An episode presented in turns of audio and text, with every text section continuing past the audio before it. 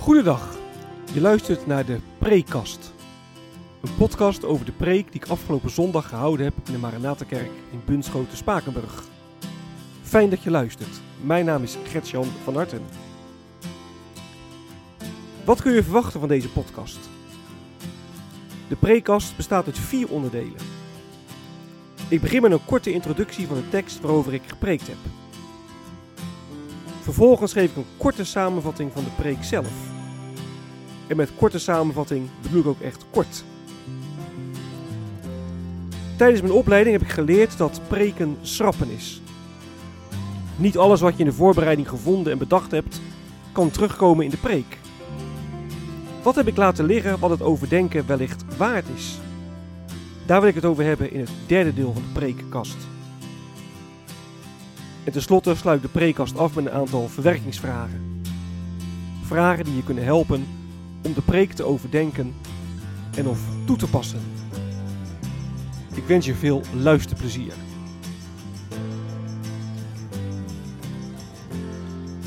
De tekst.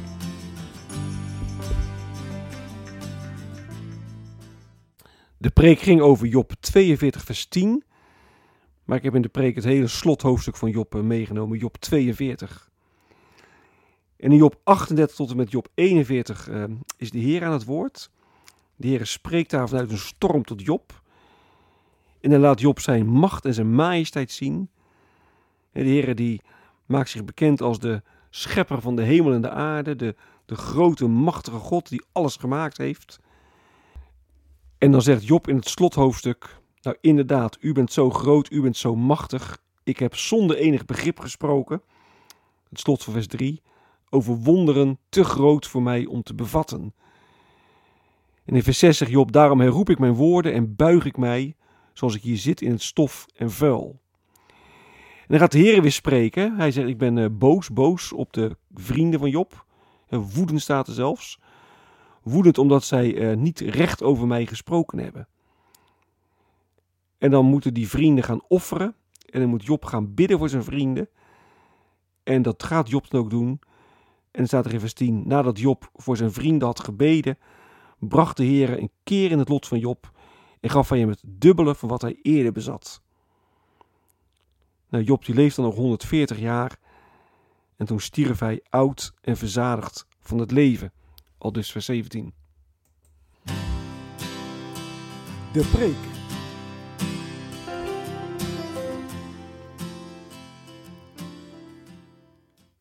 Ik vind Job 38 tot en met 41 altijd een van de meest indrukwekkende hoofdstukken uit de Bijbel. Als je leest hoe God daar tot Job spreekt, dat is echt indrukwekkend. En God laat zien dat hij de schepper van de hemel en de aarde is, dat hij alles gemaakt heeft. En als Job dat allemaal op zich laat inwerken, dan komt hij tot ja, de beleidenis, inderdaad God, ik heb gesproken, terwijl ik eigenlijk helemaal geen verstand eh, van zaken had. En hij zegt in vers 6, daarom herroep ik mijn woorden en ik buig ik mij, zoals ik hier zit, in het stof en in het vuil. Nou, zo mogen ook wij onder de indruk raken als we kijken naar de schepping, als we kijken naar wat God allemaal gemaakt heeft. Als je op vakantie bent, je ziet bijvoorbeeld de bergen, of je ziet de zee, en dat je dan realiseert dat allemaal geschapen door God. Of als je vogels door de polder ziet vliegen, of je ziet prachtige kleuren van de bloemen in je tuin. God heeft het gemaakt. Nou, Job had God uitgedaagd. Hè? Job had tegen God gezegd, nou laat maar eens zien dat ik schuldig ben. Leg mij maar eens uit waarom ik lijd. En het bijzondere is dat God daar helemaal geen antwoord op geeft. God die laat alleen maar zijn grootheid zien. Hij laat alleen maar zien dat hij de almachtige is die alles gemaakt heeft. En dat brengt Job tot overgave. En Job erkent het. Hij zegt, God, u bent groot. U weet wat u doet. Ook al begrijp ik er soms helemaal niks van. En ik denk dat we dat steeds moeten leren. Dat dat geloven is. Geloven is niet God kunnen narekenen. Hè, dit en dit gebeurt en dat is om die en die reden. Hè, het klopt, het is logisch, ik begrijp het.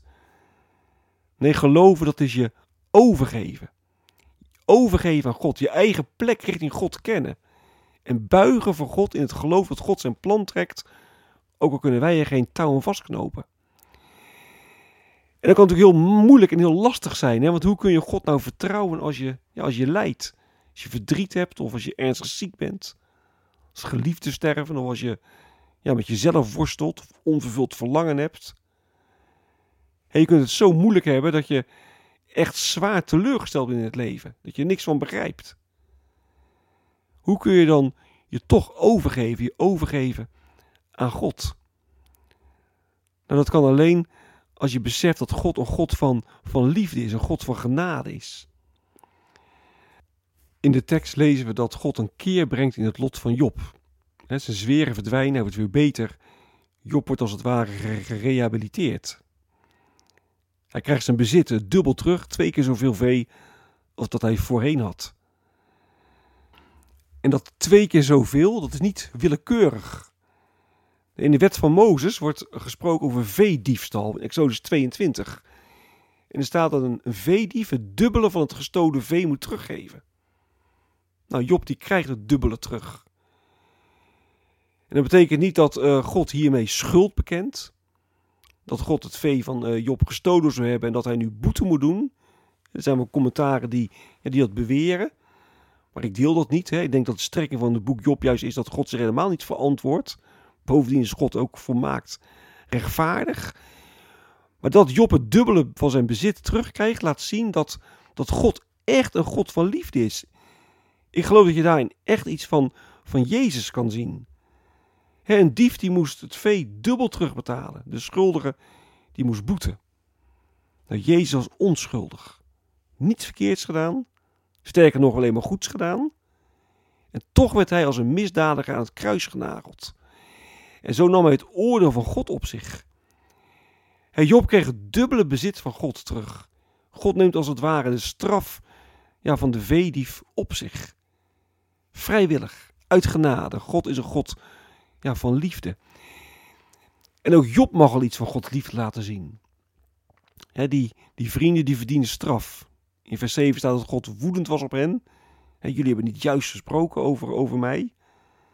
Ze hebben een verkeerd beeld van God gegeven en daarmee ook het lijden van Job verzwaard. Maar God straft ze niet.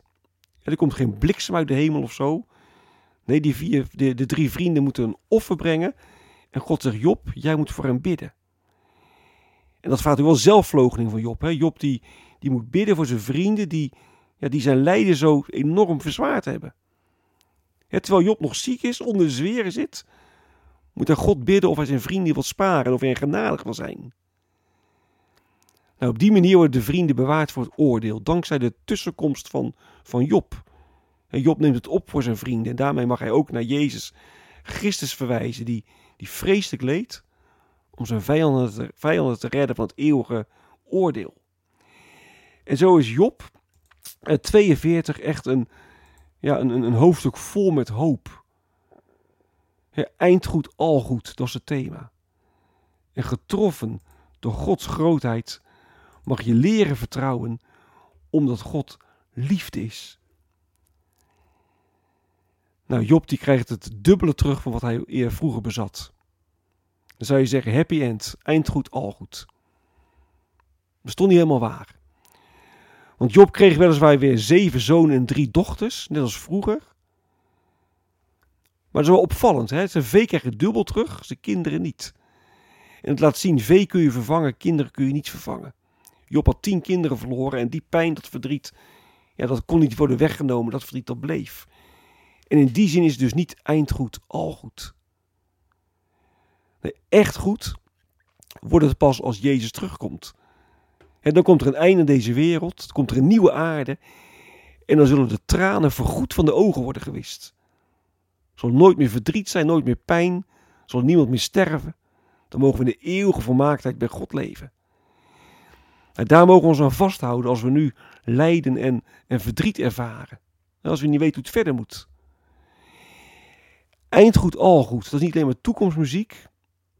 Maar die hoop dat alles goed wordt, mag je leven nu al kleur geven.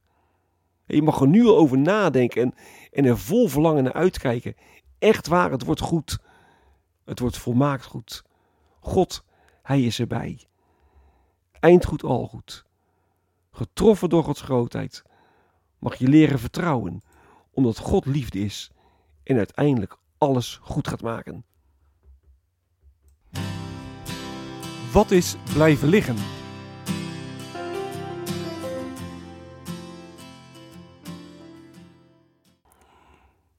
In vers 5 zegt Job: Eerder had ik slechts over u gehoord, maar nu heb ik u met eigen ogen aanschouwd. Nou, daar kun je een aparte preek over maken.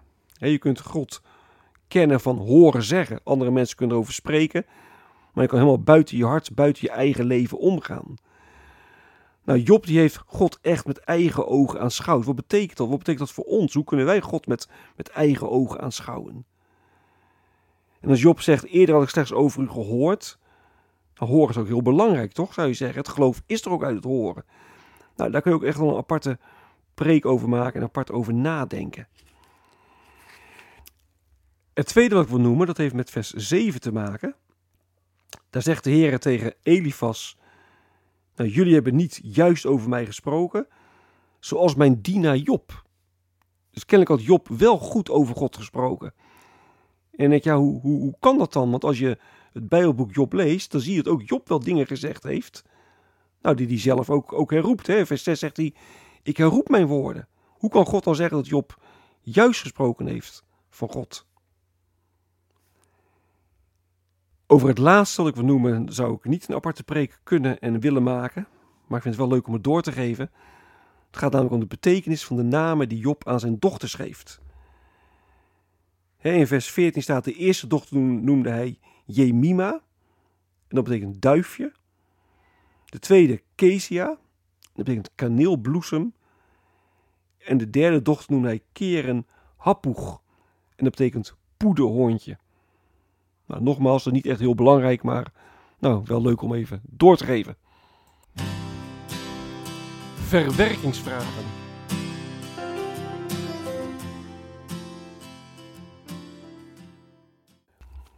Job die is eh, onder de indruk geraakt van de grootheid van God. God heeft laten zien dat hij degene is die alles geschapen heeft. En de vraag is nou, als jij nou de natuur ziet, de bergen, de zee of de bloemen of nou, het menselijk lichaam, in hoeverre brengt jou dat echt onder de indruk van God? kun je daar het werk van God in zien, de hand van God? En wat betekent dat dan voor hoe je naar God kijkt? De tweede vraag is, Job die krijgt de reden van zijn lijden niet te horen. Job heeft de God gevraagd, maak me duidelijk waarom ik zo lijd. Maar in plaats van die vraag te beantwoorden, heeft God zijn grootheid laten zien. En Job is daarvan zo onder de indruk dat hij zich echt in vertrouwen aan God kan overgeven. En mijn vraag is dan, in hoeverre kun jij dat? Je kunt tegen van alles aanlopen in het leven, moeilijke, verdrietige dingen. En net als Job kom je niet achter de reden waarom dat allemaal overkomt, waarom je dat allemaal overkomt. Maar kun je dan net als Job toch in vertrouwen overgeven aan God. De derde vraag heeft te maken met het gebed dat Job moet uitspreken voor zijn vrienden. De Heer zegt tegen Job, je moet bidden voor eh, Elifas, Bildad en Sofar. En Job, die op dat moment nog eh, ja, onder de zweren zit, nog heel erg ziek is, nog vreselijk lijdt, die gaat dat ook doen. Natuurlijk een enorme zelfverloochening. Die vrienden hadden hem van alles aangedaan. Die hadden zijn lijden echt enorm verzwaard. En dan moet Job gaan bidden voor hen. En dat doet het dan ook. Nou, wat betekent dat voor ons? Hoe wij omgaan met mensen die nou, ons onrecht aandoen. Mensen die nou, het ons moeilijk kunnen maken. Wat betekent die houding van Job nou ja, voor hoe wij met andere mensen moeten omgaan? En de laatste vraag heeft te maken met het thema van de preek. Hè. Het thema was eindgoed, al goed. Er komt een nieuwe aarde. God gaat echt alles rechtzetten. Nou, in hoeverre helpt die belofte je om om te gaan met moeite? Kun je echt in alle nood, in alle zorgen die er zijn, nou, je echt optrekken aan de belofte van God dat alles nieuw gaat worden? In hoeverre ja, kun je dat? Dit is het einde van de preekast. Mocht je vragen of opmerkingen hebben, dan kun je me mailen op mailadres van hartengretjan.gmail.com van hartengretjan.gmail.com Ik wens je nog een hele prettige dag. Hartelijk dank voor het luisteren. En wie weet, tot een volgende keer.